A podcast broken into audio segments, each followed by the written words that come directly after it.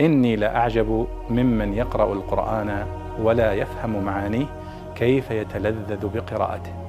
كيف يتلذذ بقراءته. سائل يسأل عن معنى النقيب في قوله سبحانه وتعالى وإذ أخذ الله ميثاق بني إسرائيل وبعثنا منهم اثني عشر نقيبا. قال ما معنى النقيب؟ هل النقيب يعني هي بمعنى الرتبة العسكرية النقيب التي نعرفها اليوم؟ فالجواب أن النقيب في اللغة هو الوكيل عن القوم الشاهد عن القوم أو الشاهد على القوم المفوض الذي يتكلم باسم القوم.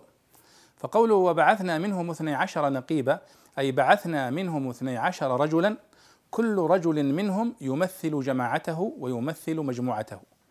فهم نقباء.